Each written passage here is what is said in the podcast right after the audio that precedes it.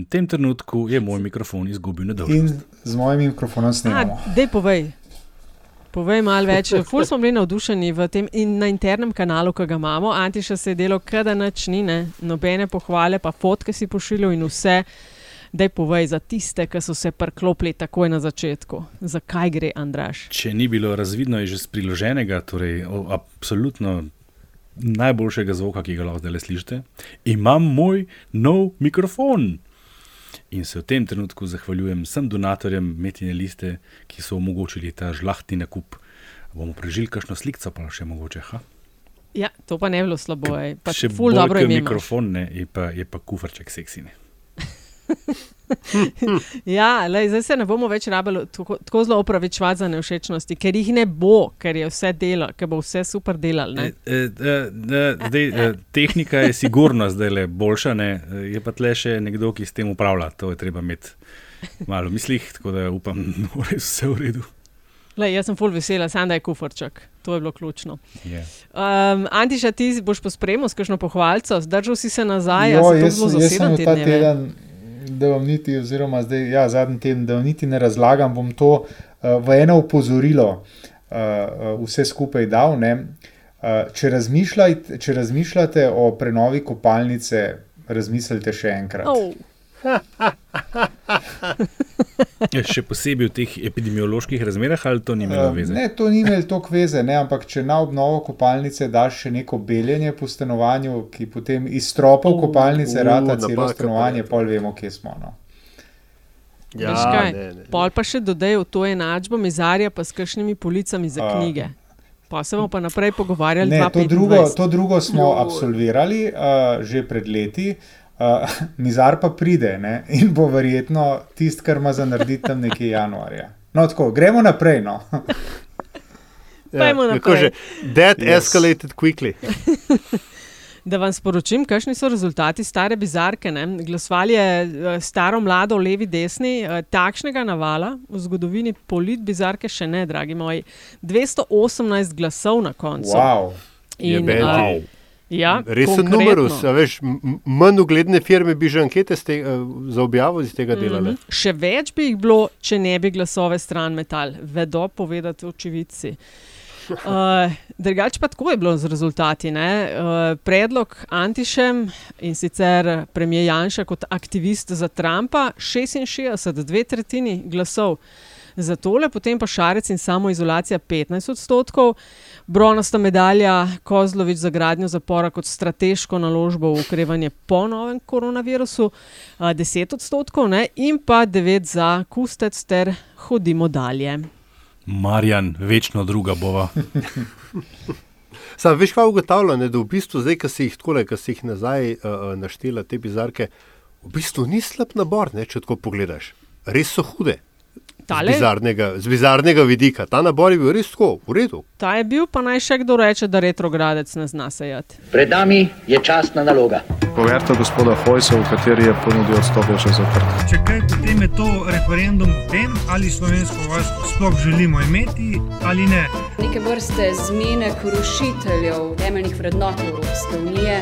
Kar sem odšel iz politike, vse narobe. Več afer, kot bodo sproducirali, bolj bom grizla in sekala lovke. Mi nismo ničesar plačali, tako da zagotovo ne gre za goljofijo. Te razprave ne bom nadaljeval, ker eh, nisem neumen. ker se jebi ga, nekdo mora boriti za otroke. Osebno sem se danes testiral, čakam na rezultate zaradi preventivnih razlogov, da ne bo potem kakšnih dilem. To je LDGD, podcast, ki nikogar ne podcenjuje in ničesar ne jemlje preveč resno. V imenu svojih najbližjih in v božjem imenu vas pozivam na lov.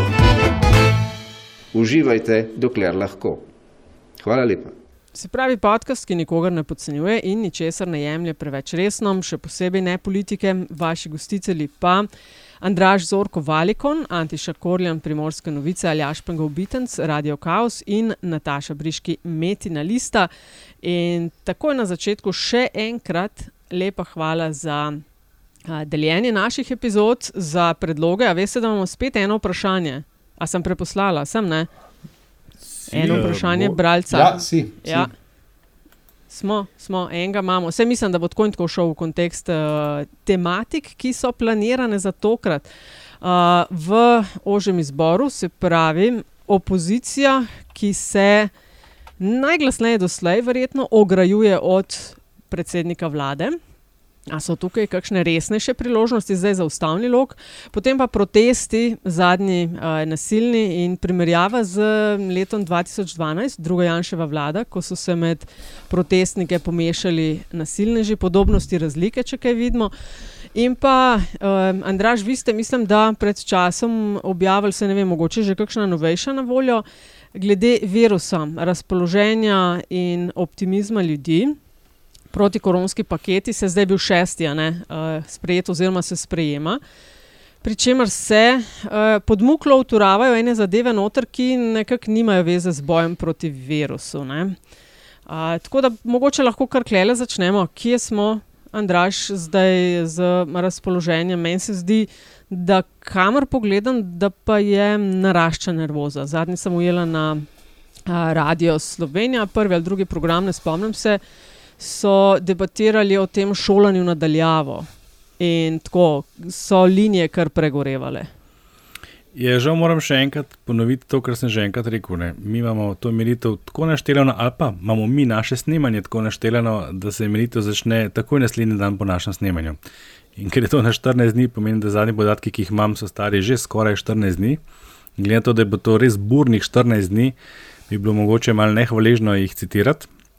Okay. Um, ker takrat, uh, po drugi strani, pa, ali pa tudi ne, ker smo upozorili, ker se je sicer uh, obrnilo malo na bolje v smislu teh pričakovanj, da gredo stvari na bolje, potem ko so bili ukrepi sprejeti, ampak smo že takrat upozorili, da gre slejko prej za lažne upanje, da, da se tle izpostavlja, oziroma smo izpostavili ta problem izpostavljanja številk na dnevni ravni, ki jih večina ljudi itak ne razume, kjer se kriteriji spreminjajo, ki ne povedo nič, ne, se pravi to ta redna dnevna statistika, ki jo ljudje tako željno pričakujejo, pričakujemo vsak dan. Ne. In to se je zdaj v zadnjih dneh žal potrdilo kot resnično. Ne. To je res bilo lažno upanje. Številke so spet tam, ker so bile 14 dni nazaj, govorimo o, o, o epidemiji. In si upam trditi, da bodo tudi naše številke, ki bomo objavili ponedeljek, v torek, najkasneje, spet precej, precej bolj pesimistične, kot so bile dva tedna nazaj. Pa, pa, pa tudi pri tem moram podariti, da je bil to edini indikator, ki se je izboljšal. Vse ostalo je ostalo na istem. Predvsem bi pozoril na ta, na ta opis uh, osebnega počutja, ki je izrazito negativen. Ne? Se pravi, da se počutijo ljudje, da je neprijetno, utrujajoče, kaotično na trenutke. Uh, takih je še vedno dve tretjini in ustraja na tem. Sam da spomnim, junija, ko je bil uradni konec prvega vala, je bilo samo. Ena četrtina. Pa se to se da razložiti. Mm -hmm. se, mi, se mi zdi, da smo se tudi pogovarjali o tem. Ne? Že v tem krogu. Namreč uh, takrat uh, spomladi nam je bilo to nekaj novega, ne? zdaj smo padli v tisto, za kar vemo, uh, kam pelje. In takrat je bilo to nekaj novega, takrat nam je bilo zanimivo, takrat smo prvič določene stvari počeli. Ne? Zdaj. Zdaj to počnemo drugič, ne? in če se, uh, se bo izkazalo, da je res to, kar napovedujejo črnogledi, da smo tja do zgodne pomladi, celo morda dobri, uh, pod narekovaji dobri, potem to ne zgleda preveč veselo. Ne? Pa še nekaj, ja, veš, če, če, samo še to. Če te taka stvar butne marca, ki mu sledi april, maj, juni, juli in poletje, je nekaj. Ne? Če te butne pa oktobra, ki mu sledi november, to je pa ena druga pesem. Si me pa spomnil, da smo pa naredili en modul, ki ga ne delamo vedno, da delamo sodelovanje s FDV-jem, stanje oblak. Tam so pa kar presenljivi rezultati. Namreč tam smo v okviru tega modula preverjamo vire informacij, kaj berejo, poslušajo, gledajo, kaj so glavni viri informacij v zvezi z epidemijo in kakšne so pričakovanja glede na različna področja vsakdanjega življenja oziroma družbenega življenja. Namreč izkaže se, da imajo mediji manjšo vlogo in to gre v bistvu štric s tem, kar si ti ravno kar povedal, Antiša ker smo že do neke mere na neke stvari navajeni. Tako da se recimo kot vir informacij v manjši meri navajajo, uh, bodi si klasični mediji, bodi si te bolj novodobni, v precej večji meri se pa kot tisti ključni vir informacij navaja uh, družina in, in oži, oži socialni krok, se pravi prijatelji, kar je lahko v kombinaciji z širjenjem raznih uh, neresnic in polresnic na, na, na Facebooku, predvsem precej tragična kombinacija. Mhm. Še hujše je pa, ko pogledamo pa pričakovanja v zvezi, kako bo po epidemiji z področji, kot so pravice zaposlenih, pravice državljanov, eh, demokratičnost družbi in tako naprej. En cel nabor takih, takih eh, tem, kjer se pa izrazito poslabšalo eh, pričakovanje. Skratka, govorimo o tem, da če je bilo recimo spomladi, aprila. Nekih 25 do 30 odstotkov takih, ki so pričakovali poslabšanje na vseh teh področjih, govorimo praktično o področju svoboščin in pravic, uh, smo zdaj že na 40-50. Skratka, precej, precej negativno, negativen zasuk in to čist na vseh teh nivojih, od uh, svoboščin pravic do stopne solidarnosti uh, med ljudmi. Ampak je to, če, se iz petnih žil vlečem, ne? ampak um, veš, Slovenija je znana po, um, ko, ko jih vprašaš, ne? ko nas vprašaš, kako ocenjujete situacijo, ponovadi vse v kurcu. A? Ko, a veš, tista znana anketa izpred let o koruptivnosti, ko je 93 odstotkov respondentov uh, po- poslovnih v Sloveniji rekel, da je v Sloveniji korupcija. Ne? Ampak vprašanje je bilo takrat veš, tako zastavljeno, ali mislite, da v vaši državi je korupcija, ne ali ste se vi srečali osebno s korupcijo. Ne? A je, to, a je to nek pregovorni slovenski pesimizem, ali se ti zdi, da je pač. A je vdanost to usodo, ali je to pričakovanje, da bodo šle stvari v neko smer in bo potem sledila reakcija naroda? Ne vprašam, če dovoliš, Andraš, biti odgovoril z vprašanjem, ali jaš. Kje pa vidiš tukaj kakšne um, nastavke za optimizem? Andraš, izvoli. Mislim, ne, v redu. Ne, mislim, Aljaš, tle, tle ti zdaj v bistvu težko povem, kako je bilo prej, ker prej tega nismo merili. Lahko da je tudi to. Mhm. Ampak to, kar je tle zaskrbljujoče, je ta prehod. Ne? Tako kot smo na eni strani prej ugotovili, da smo se na neki navadili, mislim, a veš, strah je popustil in to v veliki meri botruje temu strašnemu širjenju, ki smo zdaj priča. Ne? Po drugi strani je pa pesimizem narastel. To je tisto, kar meni tle daje, ta diskrepanca med enim in drugim podatkom. Ne? Smo se znebili strahu pred virusom, imamo pa strah pred posledicami. Hočeš reči, da je prišlo, da je, so respondenti, da tako rečem, prišli do sklepa, da se je itak vse en. Tako hm. to zgleda. Ja. Hm, hecno. Veš, kaj gledam? Zdaj, mi smo zaprti, mislim, zaprti. Te strožje ukrepi, se pravi, prepoved prehajanja med občinami, so zdaj tri tedne ali že kaj več. Pa nekakšne številke, upali smo, da po 14 dneh da bo šlo na boljš. Gledam to statistiko na statisti in sicer smrti na milijon prebivalcev v zadnjem tednu. In imajo več kot Slovenija, ki je na četrtem mestu, samo Čehi, Belgijci in pa Bosna in Hercegovina. Skratka, v samem svetovnem vrhu smo po številu mrtvih na milijon v zadnjem tednu. ne. Um, se vam, mislim, zdi, da smo klele, um, ne vem, da nekaj ne delamo najbolj prav, ker slišim kritike na račun zdravstvenega ministra, so se znova ukrepile. Ma. Tudi strani premijeja, pa vladnega govorca. Pa Jaz mislim, da dalje. sem se zelo dosledno iz, um, izogibal prevzeti vlogo dežurnega epidemiologa, virologa in tako naprej. Ampak tukaj, tukaj pa mogoče ne par uh, svojih opažanj, bi pa, bi pa vendarle se mi zdi prav, da jih povem. Ne? Recimo, jaz se sprašujem, zakaj za vraga moram jaz imeti možnost, da si kupim novo televizijo v fizični trgovini ta čas. Ne? Zakaj za vraga grem lahko jaz si kupiti novo kuhno ali pa nov jogi? In zakaj za vraga v Čevljarski ulici v Kopru, ki je dolga morda 300 metrov, delajo dve ali tri zlatarne in urarne? Zdaj, zakaj mi to rabimo? Ne? Zakaj? Kdo mi zna to povedati? Razen da se v draguljarnah ne tre ljudi, jaz ne idem pravega razloga. Ne? In, In, si na a, zelo tanek let stopone. zakaj? Ker si na začetku omenil, da si kopalnico obnavljal. Kopalnica je bila obnavljana, naročeno je bilo, mislim, niti mi ne govori, ne, dva meseca smo Šala. čakali na stvari in tako naprej. Mislim, v kratkih hlačah s kolesom sem šel naročiti opremo, Ne, tako, veš če kaj, koga jaz- zanima. Jaz Um, mislim, da ni ne- problem v tem. No, da, Ne, jaz, jaz, samo to sem še hotel reči, ne, da se mi zdi, da tako kot si ti prej rekel, Andraž, da smo stvar vzeli preveč zlahka, da smo tudi, um, kako se reče, um, preveč zlahka mogoče kakšne stvari uh, delali neke koncesije, jih odpirali. igrišča, veste, ljudje moji uh, na primorskem so še kar polna. Ne? Ljudje hodijo na basket, na futbal, otroci igrajo in tako naprej. Uh, tega Čak samo, otroci igrajo v šolo, Ja, pa ne igrala so hodijo, polna. ne? Igrala so polna, a veste, mislim, um, jaz sem danes objavil, se pravi četrtek, en komentar, kjer sem naredil primerjavo uh, med aprilom in pač tem obdobjem zdaj, v katerem živimo. Ne. Razlika je, kot bi rekel Đuro, drastična. Veste, mi cel Am- kup stvari, ki jih takrat nismo smeli, zdaj smemo delati.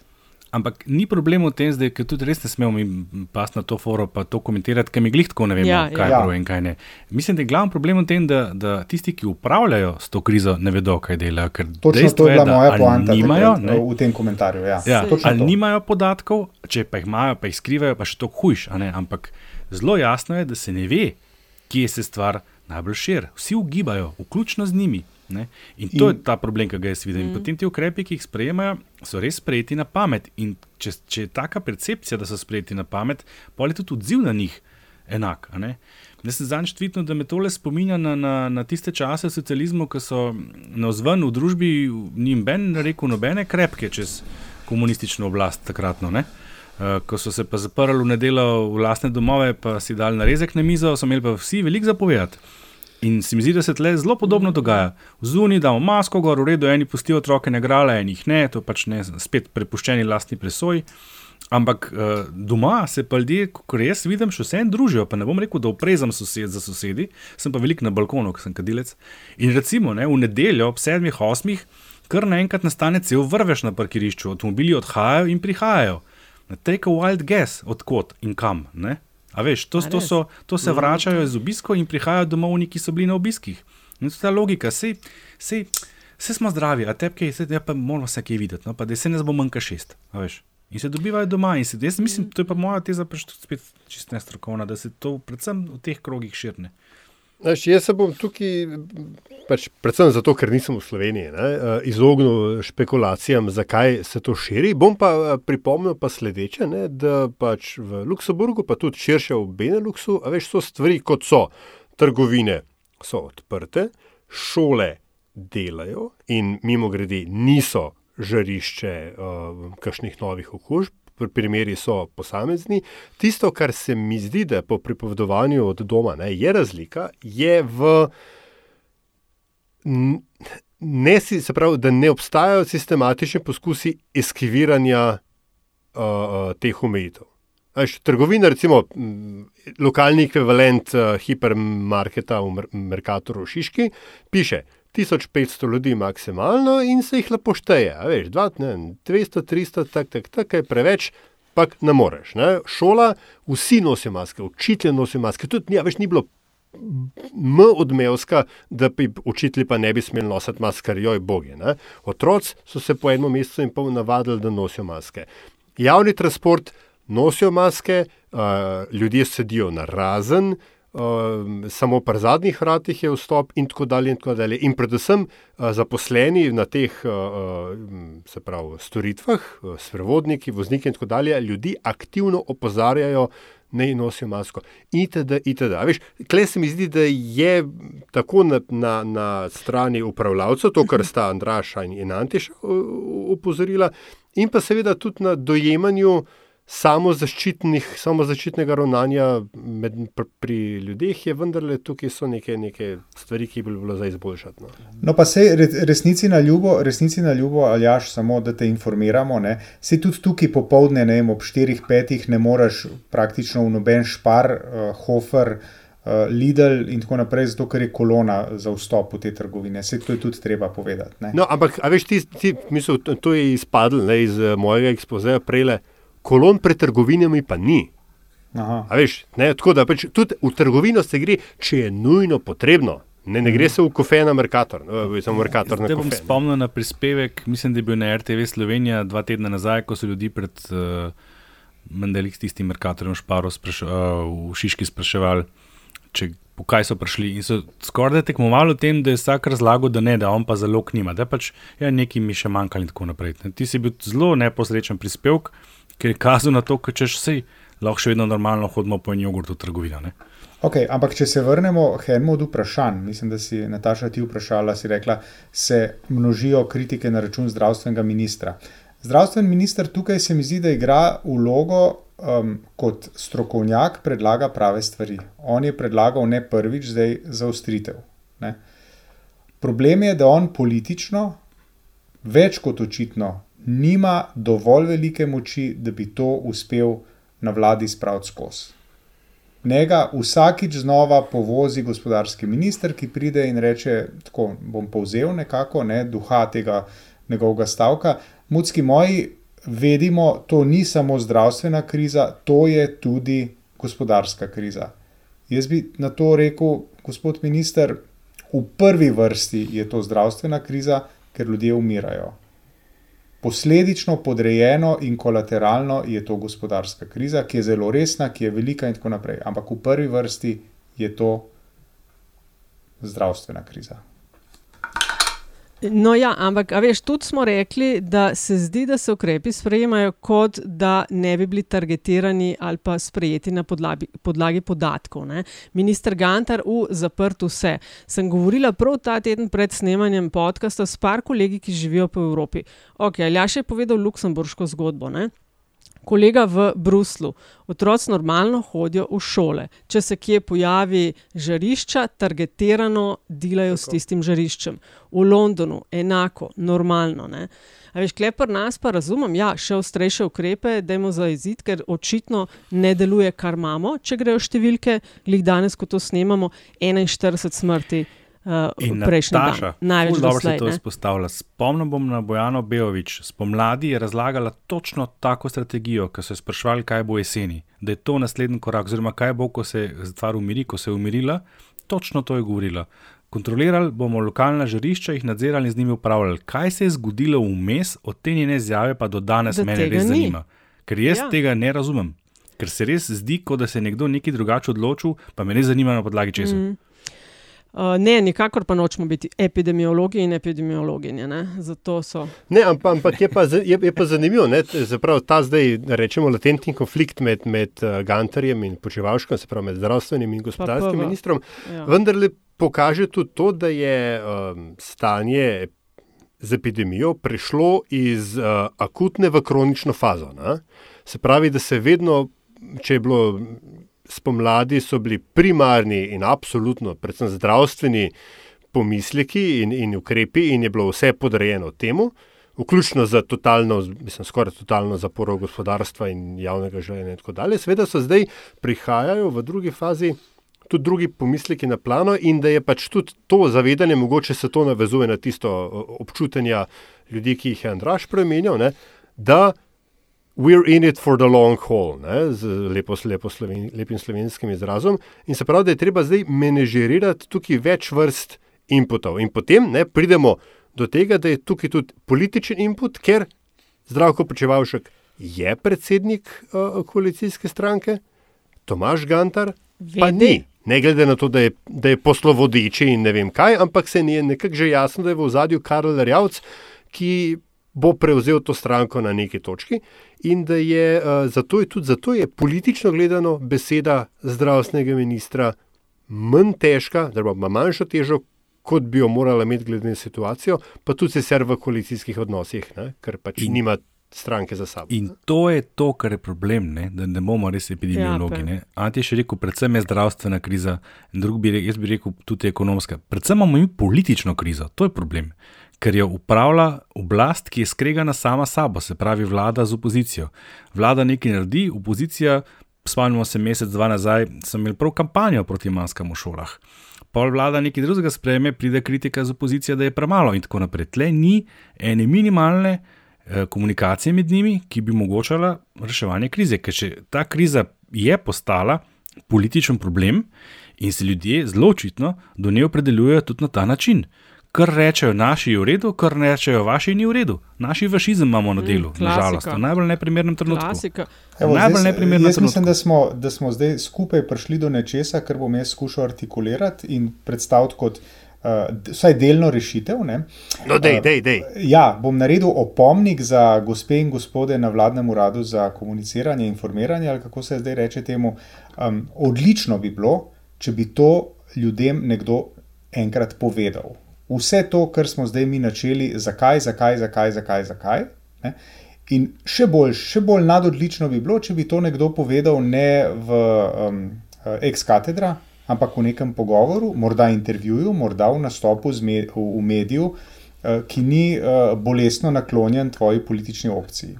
Skratka, gospod predsednik vlade, mogoče je čas, da date kakšnemu mediju intervju. A ja, ga do danes še ni dal, še nič ni, razen seveda svoji televiziji. Jaz mislim, da je dal TVS, okay, je dal enega ja. osamosvojiteljskega. Ja. Uh, in uh, in uh, um, uh, Novi 24 je, je imel pa ja, je. Uh, intervju kolumno, pa tedensko je aboniral. aboniral tam, če smem, če, če smem ne, Antiša, tudi operativna izvedba tvojega predloga, predsednik vlade ne pride v LDGD. Uh, in to sploh ni nujno, da pride fizično. Se lahko menimo, vključimo, vključimo peto, uh, peto lokacijo, s katero snemamo. Gospod Tako. predsednik, več kot dobrodošlo dobrodošli. Ti, nam, nas pa to pripelje zdaj do uh, protestov. Ne? Ti petkovi so, po mislim, da 25 ali 26 izvedbi, so v teh časih, ko je bil porast okužb, so zdaj v drugih oblikah. Prejšnji teden, pa četrtek je bil, ne, če se ne motim, so pa. Uh, bili novi protesti v Ljubljani, ti petkovi so, organizatori so se že uh, dopoledne uh, distancirali od tistih protestov, povedali, da to niso oni, da se napovedujejo nasilje in tako dalje, ne, kar se je potem tudi zgodilo.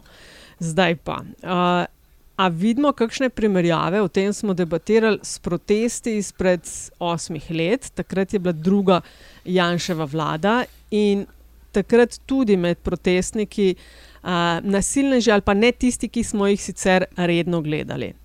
Kolegica, ki stanuje blizu, je rekla, je prav šla pogledat te četrtkove, uh, tudi sicer je spremljala petkove in je rekla, čisto druga množica, čisto drugi ljudje. Uh, z pivi v rokah, uh, namagarjeni na tepeškanje.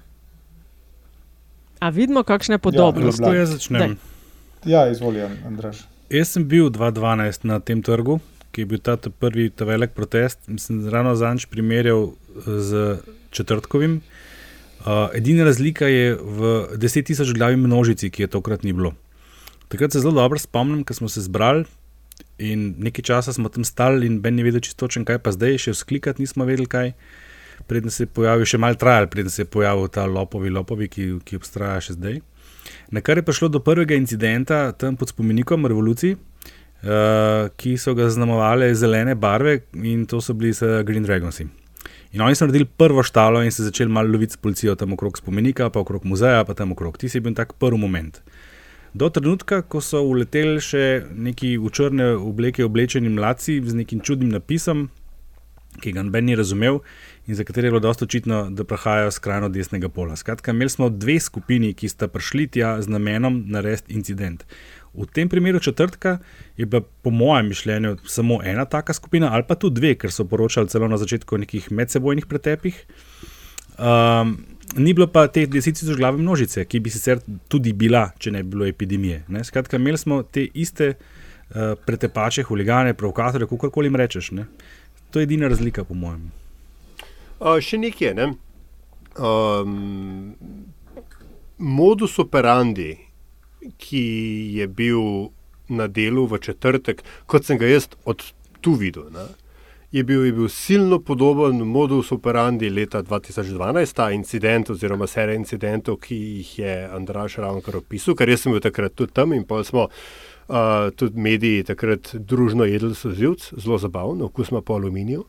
Uh, pa tudi leta 2010, spomnimo se kockanja parlamenta, mm -hmm.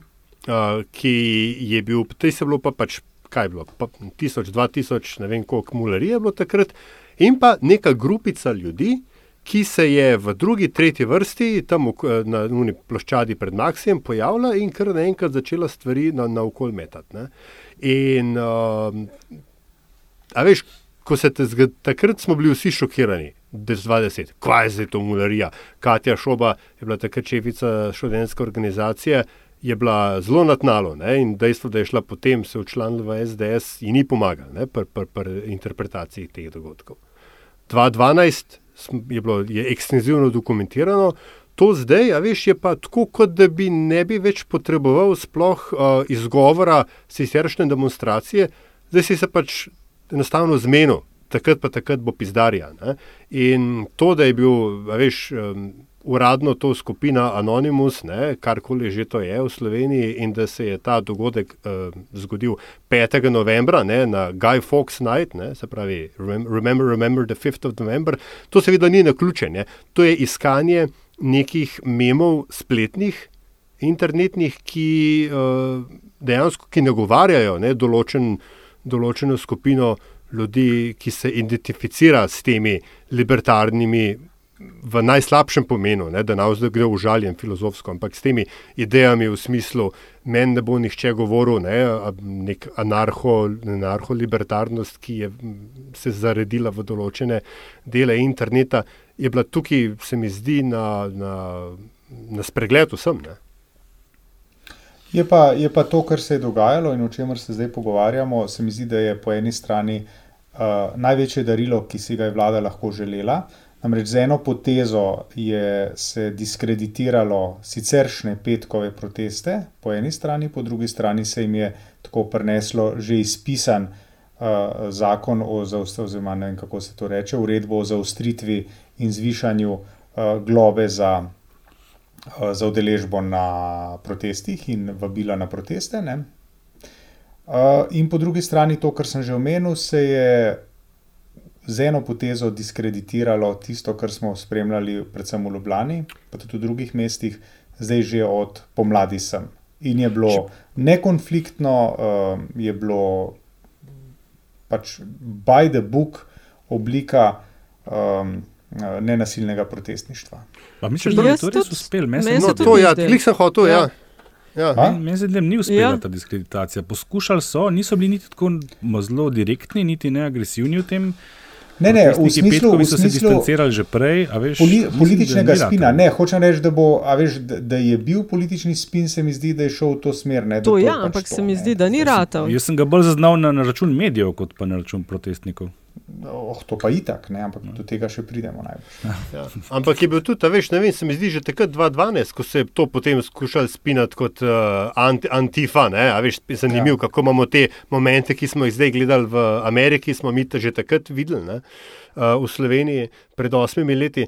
Uh, veš, odgovor takratnega protestnega gibanja je bil, da se je naslednjič zbralo v še večjem številu in se obnašalo še bolj samozaščitno. Če je pa Antiša omenil tale paket, um, mislim, da se opravičuje za še ostrejše ukrepe in tako dalje. A ste opazili, da je prav treba je brati, je Bentiš ta, ta um, v, tis, v malih tiskanih, kaj je napisano, drobni tisk, kako poskušajo vsak paket nekaj dati, kar nima nobene veze z okrevanjem po virusu. V tem so, če sem si prav zapomnila, noter so se znašli podaljšanje licence za Jambrekovo univerzo. Pa izenačevanje poklicne in splošne mature, pa pazi tole, ne? neki interventni ukrepi oziroma odločbe o izvedbah dopisnih sej oziroma kongresov nadaljavo. Kar pri Desusu, ki ga ima čez par dni, ne, uh, se pojavljajo neka vprašanja, ali bodo sploh v teh zaostrenih razmerah uspeli izvesti to in izvoliti erjavca za novega šefa. Ja, zdaj. Um...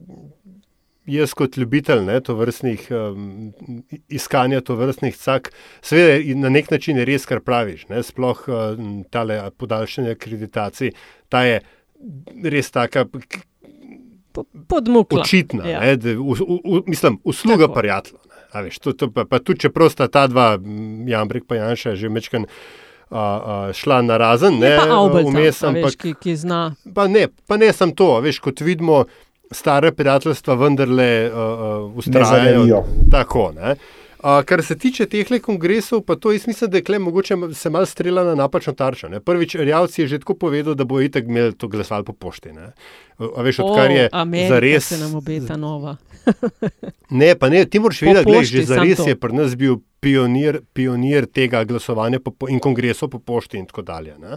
A veš, takrat je bilo to, kako, kva golo biš dela in ne vem kva. Ampak pa ja, pač, zakaj bi plačval za drago dvorano sred Ljubljane, če pa pač lahko narodu pošlje, mislim, v članstvo pošleš pošto. ne.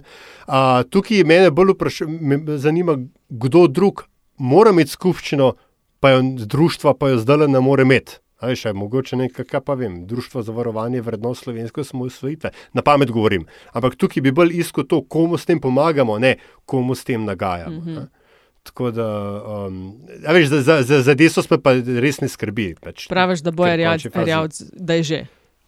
Ja, mislim, no, ne vem, če je že, glej, a veš, presenečenje Mislim- se dogajajo. Ne? Veš, kaj mene tle najbolj skrbi to, ne? da na eni strani, tako kot smo uvodoma govorili, imamo ukrepe, ki se sprejemajo na pamet in zelo očitno imajo tudi tak učinek, ker če so sprejeti na pamet, ne more imeti drugačnega kot 50-50 učinka in to se ravno kar zdaj dogaja in smo temu priča. Po drugi strani imajo pa čas in posluh za take Tako stvari, je, ki ja. niti ne Mhm. sodijo tja not, niti zdaj res ni čas za njih. Ne. Tako. Zdaj, To, res, to mene malo spominja na, na Trumpa, ki je prevzel oblast in en, en kup enih dekretov sprejel, in Bidena, ki že napoveduje, kaj vse bo zdaj eh, nazaj spremenil. In mogoče je tudi res čas, da se tle nekaj zgodi. Tem, Pa ne, pa, pa plati, ne, ja, pa ne samo to, glej, uh, se lahko bliže pogledaš. Viktor Orban ne, je um, prejšnji teden, oziroma ta teden, je uh, uložil v, v uh, postopek uh, spremembo ustave, kjer bi spet kaj že, um, da se pač po- posvojitve urejal, pa zakonski stan, definicija, ki bi bila spet tradicionalno Pa katoliška. tako Opozicija udeležba na volitvah. Pa ja. opozicijo udeležbo na volitvah, da bi preprečil to, kar se mu seveda napoveduje, da bi imela opozicija enotno fronto, v vsakem kraju samo enega kandidata. Skratka, dejansko se zlorablja ne, epidemiološka situacija za to, da se popravlja. eh, da se prereja pravila v korist aktualni oblasti. Ne.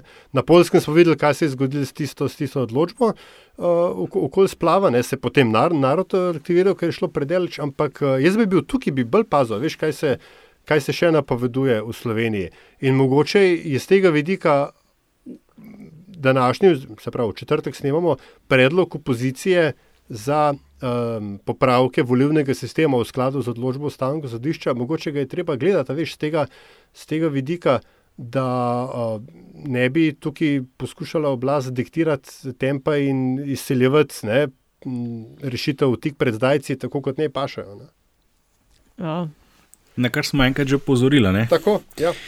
kar bi lahko vodilo na kakšno izsiljevanje oziroma izsilitev uh, večinskega sistema. Bog, Ja, ja, ja, seveda, seveda. Ne, ja, veš, in to, kar so oni predlagali re- z relativnim preferenčnim glasom, ni idealno. Ne, ustavni pravniki te bojo rekli, da je ustavno sodišče uh, zapeljalo to tako, da je edina zgledna rešitev bi bil absolutni preferenčni glas, ampak lej. A se tudi pravnik v tebi strinja? Ma, mislim, pravni, pravnik v meni se strinja, ampak politolog v meni bi bil pa zadovoljen že z uh, relativnim preferenčnim glasom, ker vse je bolje od tega, kar imamo zdaj. Ne? Razen No, seveda večinskega volilnega sistema, ki je imamo pa fucking disaster. A imamo občutek, da je opozicija uletela s predlogom, vedoč, da ima morda podporo še pri vsaj uh Mhm. -huh. dveh drugih strankah, ali ne?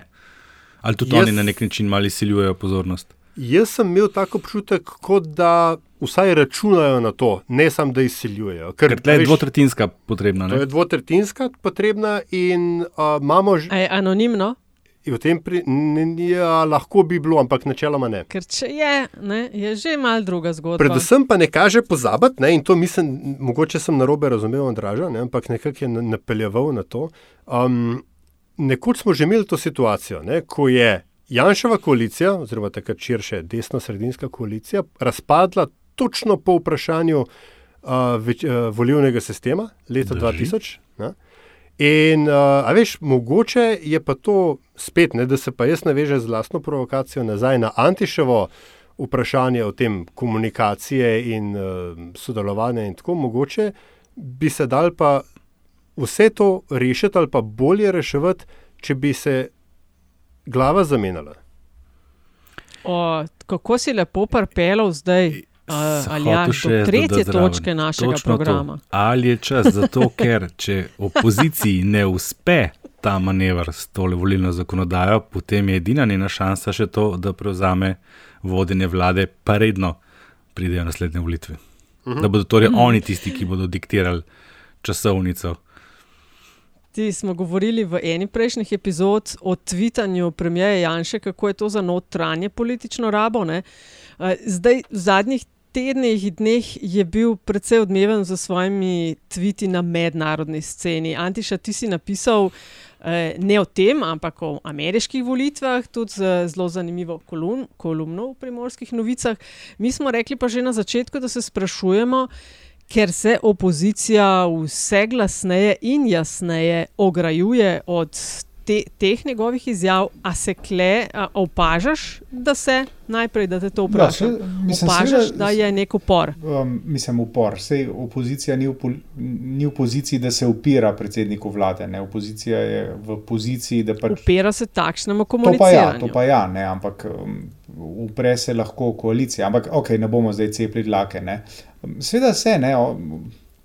Predsednik vlade jim tako na pladnju ponuja uh, točke, na katerih lahko uh, gradijo distanciranje od uh, pač, njegove politike. Seveda, se, zato so tukaj, ne. Uh, da to počnejo, da to opozarjajo, da opozarjajo na pač, po njihovem mnenju nesprejemljive poteze, bodi si politike ali tudi komunikacijske in kakšne druge poteze. In se mi zdi to nekaj najbolj normalnega. Ne? Zdaj, a bo to zadostni, zadostno lepilo, da jih poveže uh, Mm. dovolj močno, je vprašanje za vedeževalce, uh, kamor ne sodim. Ampak uh, se mi zdi pa, da je v redu, da še naprej sodelujejo. To pa se mi od samega začetka zdi v redu, kot sem že večkrat povedal. A je lahko takšen Twitter meltdown, ne, kot se je pač Janši zgodil in se mu v bistvu na nek način še vedno dogaja, in se specifično na Twitterju, ne, Facebook pa Instagram sta čist druga zgodba, kot so tudi njegovi javni nastopi. A je lahko taka stvar um, tisti, a veš, um, Deus ex machina, ne, z, zunani akter, ki tako. Uh, ne precenjujemo, mislim, jaz bi spomnil, ne precenjujemo Twitterja. No. Jaz bi Mhm. spomnil na Andraževega mesarja, pa mislim, da sem vse povedal. Andražev mesar nima pojma, morda ve, kaj je Twitter, ne ve pa nima pojma, kaj se dogaja na Twitterju. Ne. Ampak In sem zdaj, Mesar preden smo se mi slišali, sem poslušal, sem poslušal, uh, sem poslušal uh, vaju, ko sta imela Andreja iz Washingtona, pa Barbaro iz Reke. Ne? In tudi Barbara Šurk rekla, uh, je rekla, da Twitter tudi skuša uh, dozirati v najmanjših možnih teh količinah. Jaz, jaz tega vendarle ne bi precenjeval. Ne? Sploh glede na to, da je, da, da je to mreže postalo res tako en. Uh, Mislim, da je rekel mladen dolar, ne? da ne bi več govoril o čivkih, ampak o belskih na Twitterju. Ja. In se To mi že, zdi a- zelo posrečeno. Ampak z- Sam- ej, a- sam, sam to, Nataša, mogoče. Veš, Ja. Se strinjam z vidika javnega mnenja in uh, vplivanja na debato, tako dalje. Ne? Ampak tisto, kar mogoče jaz gledam kot neko provokacijo, ker je to tudi uh, mogoče en del enega blog posta, ki, ki, ki, ki je še v nastajanju. A je Janša zdaj postal, da tako rečem, diplomatic liability? Veš, da on enostavno na tej točki, ki je, na funkciji, ki je, s tvitenjem, ko je državi in njenemu vplivu ali pa standingu, kako koli ga pač ima, enostavno dela preveč škode. Tako, v, na, na tem področju el, političnih elit. Ma jaz bi mogoče tako z eno primerjavo rekel. Ne, uh, gl- glede na to, da nam dejstvo, da se je Melanija Knaus rodila v Sevnici, uh, ni prineslo v štirih letih absolutno nič. Ne. Jaz mislim, da tudi uh, neposrečeno tvitanje Janeza Janše um, na dolgi rok ne bo, uh, ne bo bistvene, bistvene škode naredilo. Jaz vem, Nataša, se ne boš strinjala. Uh, um, in verjetno v kakšnih, v kakšnih postopkih do kakšnega um, za- zaostanka oziroma zastoja zna priti, ne, ampak da bo pa zdaj pa Slovenija postala uh, svetovni parija, ne, zaradi tega, ker je un objavil ene štiri tvite, take, ki nam je vsem nerodno zaradi njih, pa mislim, da se ne bo zgodilo. A veš kaj, ne gre toliko uh, za strinjanje, pa ne strinjanje. Jaz se samo vedno sprašujem, ker vemo, da na Twitterju nas je malo in malo aktivnih. Ampak, če bi bil tako zelo brez veze, ne bi v res velikih svetovnih medijih brali o tem, kar je rekel, ne bi se na tiskovkah Evropske unije tako rekoč distancirali in spraševali po zdravju Mhm. domala našega uh, premijeja. A veš, ta, ta del mene. Ampak to je vse eh, del, vs- veš, nam- Nataša, nama- mi, mi vsi smo del enega kroga. Bruselski dopisniki, bruselska birokracija, bruselski funkcionarji, predsednik vlade. Mi smo v resnici en del enega kroga, ki je relativno izoliran od uh, siceršnjega življenja v, v neki družbi. Jaz sem to hotel reči. Ne? Ja, seveda, ne. Ja, glej, seveda, jaz preberem, jaz na Twitterju nekaj preberem in grem ob 11. na briefing k Kacinu in ga tam vprašam. Ampak jaz pa Kacin sva isti rekel, ne, ali pa ne vem, kdorkoli, uh, glasnogovornik Evropske komisije, mi smo del istega uh, mehurja, ne. Ni mehurček, Sam, mehur. povej mi, kdo, kdo napiše časopis, ki ga drug dan vzame v roko Andražov mesar, kdo sprejema odločitve, ki na drug Ja, to pa mi naslednji počnemo. dan Ja, to, to, Andražovega pa, to, pa, to pa delamo novinari. To pa je res. To je ja. to. to pa je res, ja.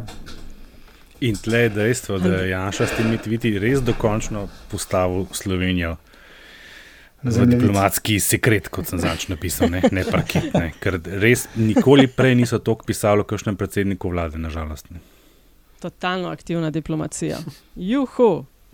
Um, smo pa rekli, mogoče na tem mestu zapovedati, že, ne vem, ali je čas, da gremo že na nove bizarke, ker smo uh, rekli, da mogoče Janša ne bomo več nominirali. Tako je.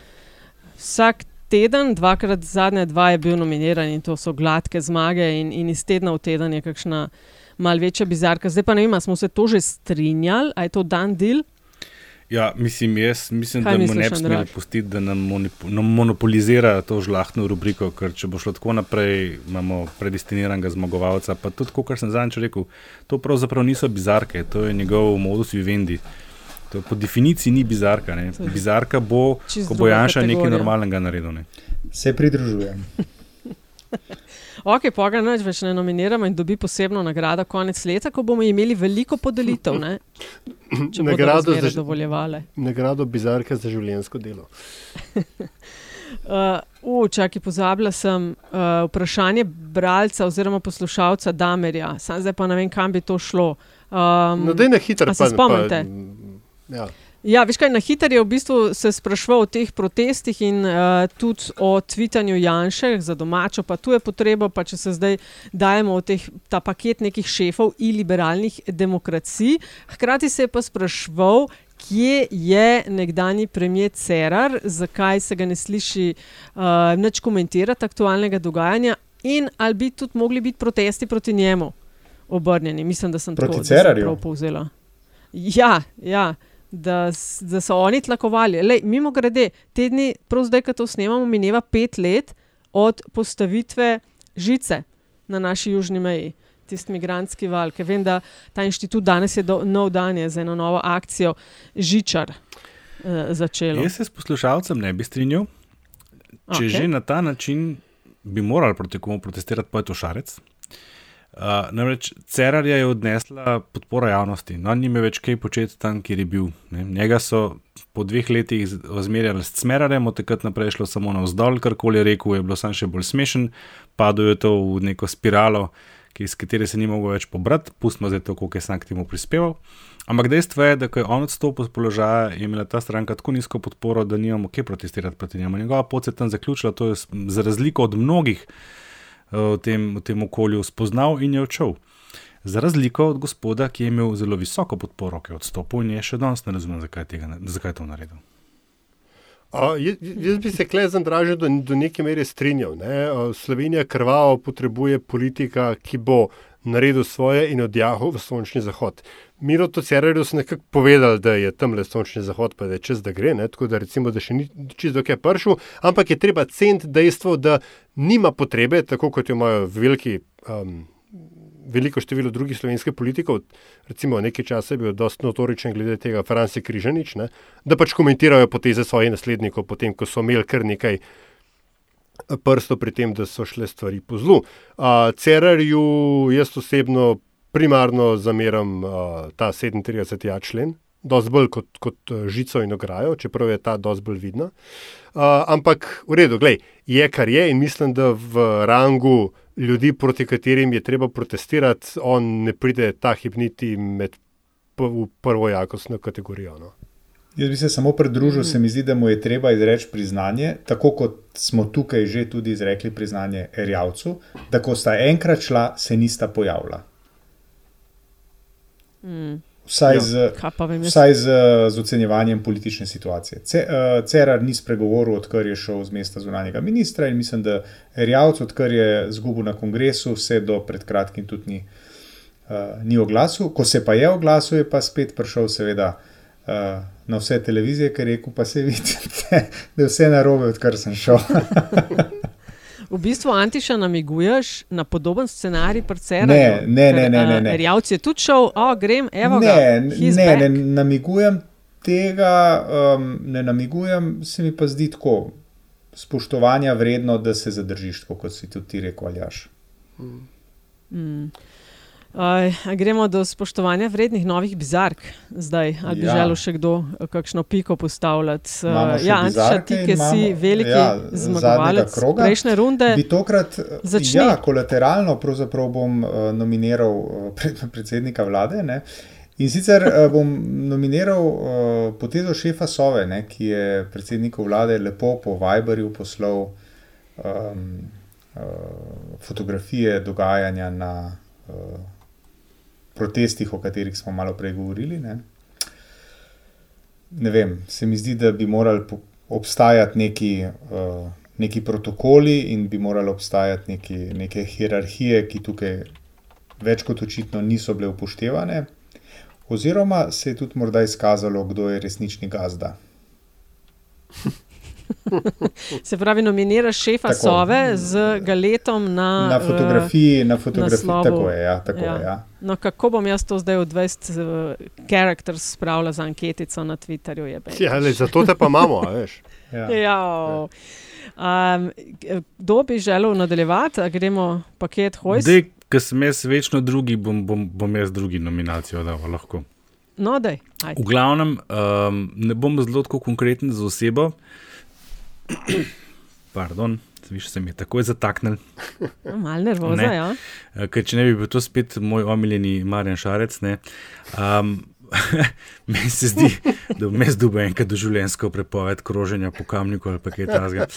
V glavnem, uh, v četrtek zvečer, oziroma sploh pa v petek, ko so nastopili komentarji teh izgredov, me je presenetilo, kako so ljudje, ki so sicer uh, veliki nasprotniki in uh, opomniki in uh, ko ne jim še rečem, zanikovalci teoretikov zarot, ki zanikajo virus, ne mudoma razvili teorijo zarote o tem, kdo je organiziral proteste.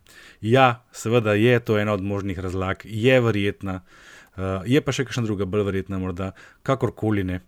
Um, ne moreš skoraj da v isti sapi eh, razlagati, da so vsega krivi teoretiki zarote, teoretiki zarot, potem pa sam pojasnevati nek pojav s teorijo zarote. In v tem niso bili nič boljši, kot je bil Trump pri razlaganju, kako so volitve ugrabljene. Se pravi, kaj je LMŠ in teorija zarote? V bistvu niti ni bil sam LMŠ, k temu lahko mirno preštejemo še kar nekaj Aha. Aha. likov na, na Twitterju, ki sodijo v vsaj širši krok, no. ne kamniški, to vrstni Okay, politični. protesti in teoretiki zarote. Pol. Antiteoretiki zarot razvijajo teorijo zarote. Ja. Okay. Ja, pomava pa z Aljažem, pa mislim, da imava v glavnih vlogah uh, No, notranjega ministra bom, je, Hojsa. bom jaz, ne, tre, tretji, bom, uh, kako se temu reče, third throat, kot pri Krlniku. Um, moj, moja nominacija za bizarko je uh, filmski kritik in v prostem času tudi ministr za notranje zadeve Aleš Hojs, ki se je um, 4. novembra škandaliziral nad uh, filmom Izbrisana, uh, v, mislim, da tudi režiji uh, Miha Macinija, vsaj po, dek- po njegovem romanu uh, napisan. Je tudi se pravi, režiser. Je tudi režiser, hvala. Mm, ja, ja. Um, skratka, prikazovanje naše države, ki da je celo otroke ločevala od staršev, materem prepovedala, prepovedovala dojenje novorojencev, itd., itd. Sramota, kaj plačujemo, a ja, to je umetniška svoboda, prispodoba kot krvave mize. Aha, ne? In potem to potem nadaljuje na, z odgovorom na sarkastično vprašanje eh, nekdanje kulturne ministrice Majda Širca, ki pravi, zakaj pa ne uvrstite vprašanje financiranja slovenskega filma na dnevni red vladnega odbora. Uh, ne, itd. in potem Hojs uh, mirno, ne, da ni še usklajeno z vsemi, ampak po ogledu filma uh, Izbrisana se pa tudi sam začenja spraševati, kaj če sploh kaj ima smisel financirati. Skratka, uh, to je to. Jaz, ko sem to videl, me, se, sem se samo spomnil na te veš, uh, seje in, in uh, sklepe raznih uh, socialističnih komitejev za tri pizde materne o tem, kako branimo tekovine in like delo druga Tita in druga Janša, kakorkoli. Uh, Eš, to 80-ta so spregovorili skozi Aleša Hojsa in to je moja bizarka. ne. Mm, skratka, filmski kritik Hojs. Uh, ja, jaz pa tudi no, notranjega ministra smo o protestih, uh, teh nasilnih, že govorili. Ne? Kar nekaj jih je bilo, 25-26 petkov, pa uh, menda niti enega ni bilo. Enega petka, ko bi se uh, minister šel sprehoditi, poslušati, kaj imajo povedati protestniki in protestnice. Ne, on je izbral najbolj uh, nasilen protest in se sprehodil čez center Ljubljane v spremstvu specialcev. Ne. To se mi je zdelo tako nadbizarno, dodatno, ker se je. Uh, potem znašel nad novinarko Pop TV-ja in gladko okrivil za proteste nasilne medije. Ne.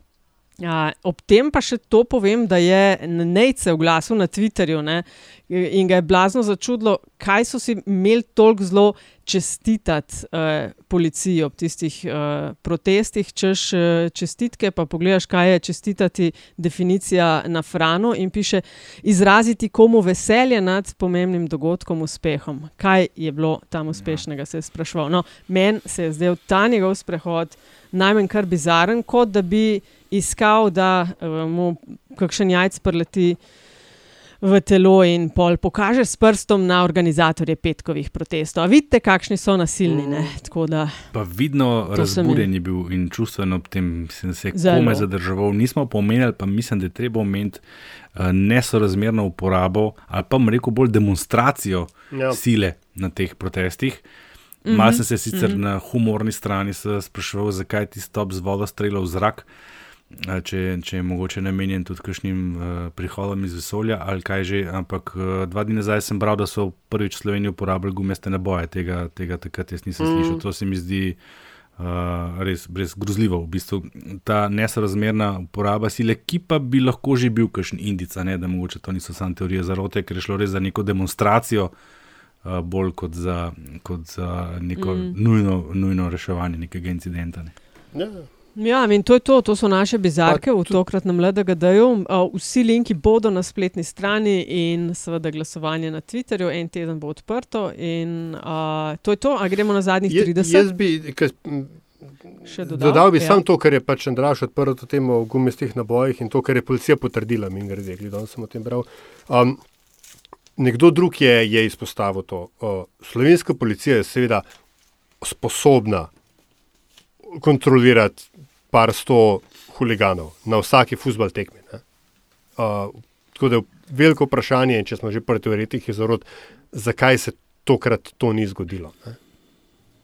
To. In zakaj je taka uporaba sile? Ne? Tako, no, vse je s tem- s tem povedano. Ja, Ja, tako no, da ja. je, Ne. ja. Mm. Ok, bizarke. Ajde, Ja, zadnjih sorry, 30, zadnjih a se 30, kdo, ja. Ja, a se kdo javi? No, daj, bom pa jaz. Jaz napovedujem, da se bo prvi javil Antiša. Točno, ma, le kako, mislim pa ti. To pravi moj napovedni model. Verjetnost, da se ti javiš, je največja. A res? Ja, ja. Z, nas, Okej. z si v naskokom šoli si javljal? odločil prvi. Pa smo pa mi trije ceplamo nekje v zadnje. Joj, O, a lahko sem tik pred, jo, moram nujno še dodati bizarkam. A lahko dam veto na naslednje bizarke, da ne bo hojsano, ker je zdaj dvakrat in ga v tej priliki pozivam, naj se dostojno vede za naslednja dva tedna.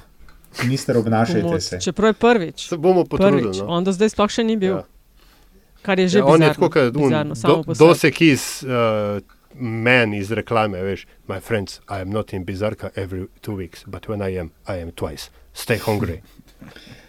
Ok, jaz ja, bom, dajmo, jaz ja. bom uh, za zadnjih 30 uporabil um, referenco na to, kar se zdaj dogaja v ZDA, kot se uh, odhajajoči očitno predsednik Donald Trump oklepa oblasti, uh, se dela, kot da se nič ni zgodilo in da ga čakajo še štiri splendid leta.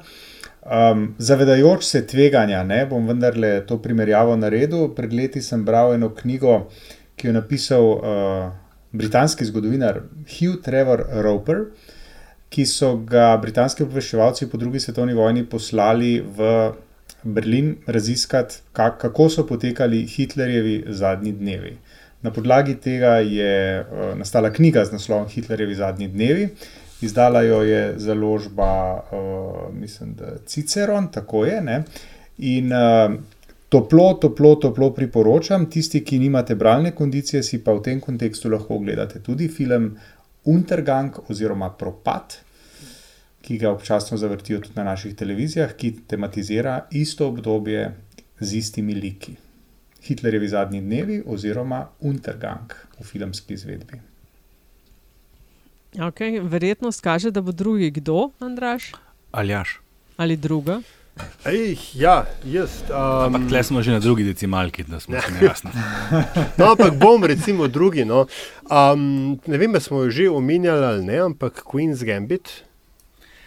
Ne. Ne, Ok, pa pa ne bom, ne bom. Razen če vsi trije vidim, da tudi Nataša Ja, kriči. vsi trije imamo. Ok, ne Lahko komu- nekaj- lahko ne, komu Ne and bom- Anarchy ali pa Fauda, če kdo rapno. Zasluži si, Ne. zasluži si, da vsak Ne. svoje pove. Zasluži si, ne, res. j- jaz bom, Aljaž, ne, bom jaz nekaj drugega, ker imam rezervo, ki je mogoče še boljša. Uh, Goliath. Uh, drama, kaj je to, odvetniška, pravna drama na Amazon Prime oziroma na lokalno, uh, kaj se temu že, reče, lokalno običajen način se jo pač da dobiti. Um, Billy Bob Thornton igra, to je, ne vem, če veste, to je bivši mož od Angeline Jolie. In je jebeno dobro, tako uh, hudo, dobro, fajn, uh, priporočam, uh, dovolj dramatično, da vas drži na robu stola, ampak hkrati ne strašljivo, um, če lahko si to ogledate. Izvoli, Andraš, le bom pa jaz dodala, kar, na- kar, da če bom kaj da imela. sva Tudi na drugi decimalki sva izenačena, kar se tiče vrstnega reda. 2,63 imamo oba dva. Ampak glede na to, da je Damin Gambit, bi pa mogoče vsem dami dal prednost v tem primeru.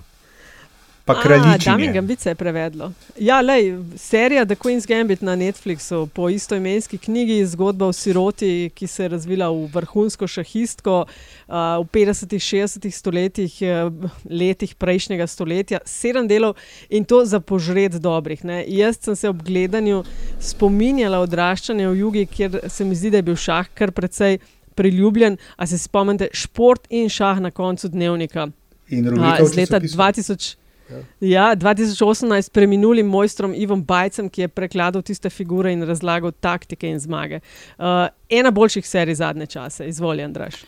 K temu bi jaz sam to dodal. Jaz nisem specialist niti poznavalec filmov, ampak če, če, če jaz kaj razumem, je to to, če se reče dovršena serija v več pogledih, od scene uh, kostumov do, do fotografije, scenarija, režije in tako naprej.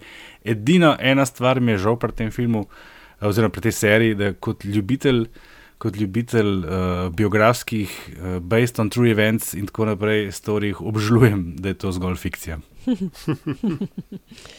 To so bili zadnjih 30 in eh, LDGD številka 48. Uh, Ful, hvala za vašo družbo, se pravi, glasujte na Twitterju za Polit Bizarko leta. Uh, se vidimo, oziroma slišimo spet eh, ob naslednji izdaji in vam kličemo res hvala za deljenje epizode in vse investicije v vseh možnih oblikah na vsebine, ki jih delamo na metini listi. Oh. Yeah.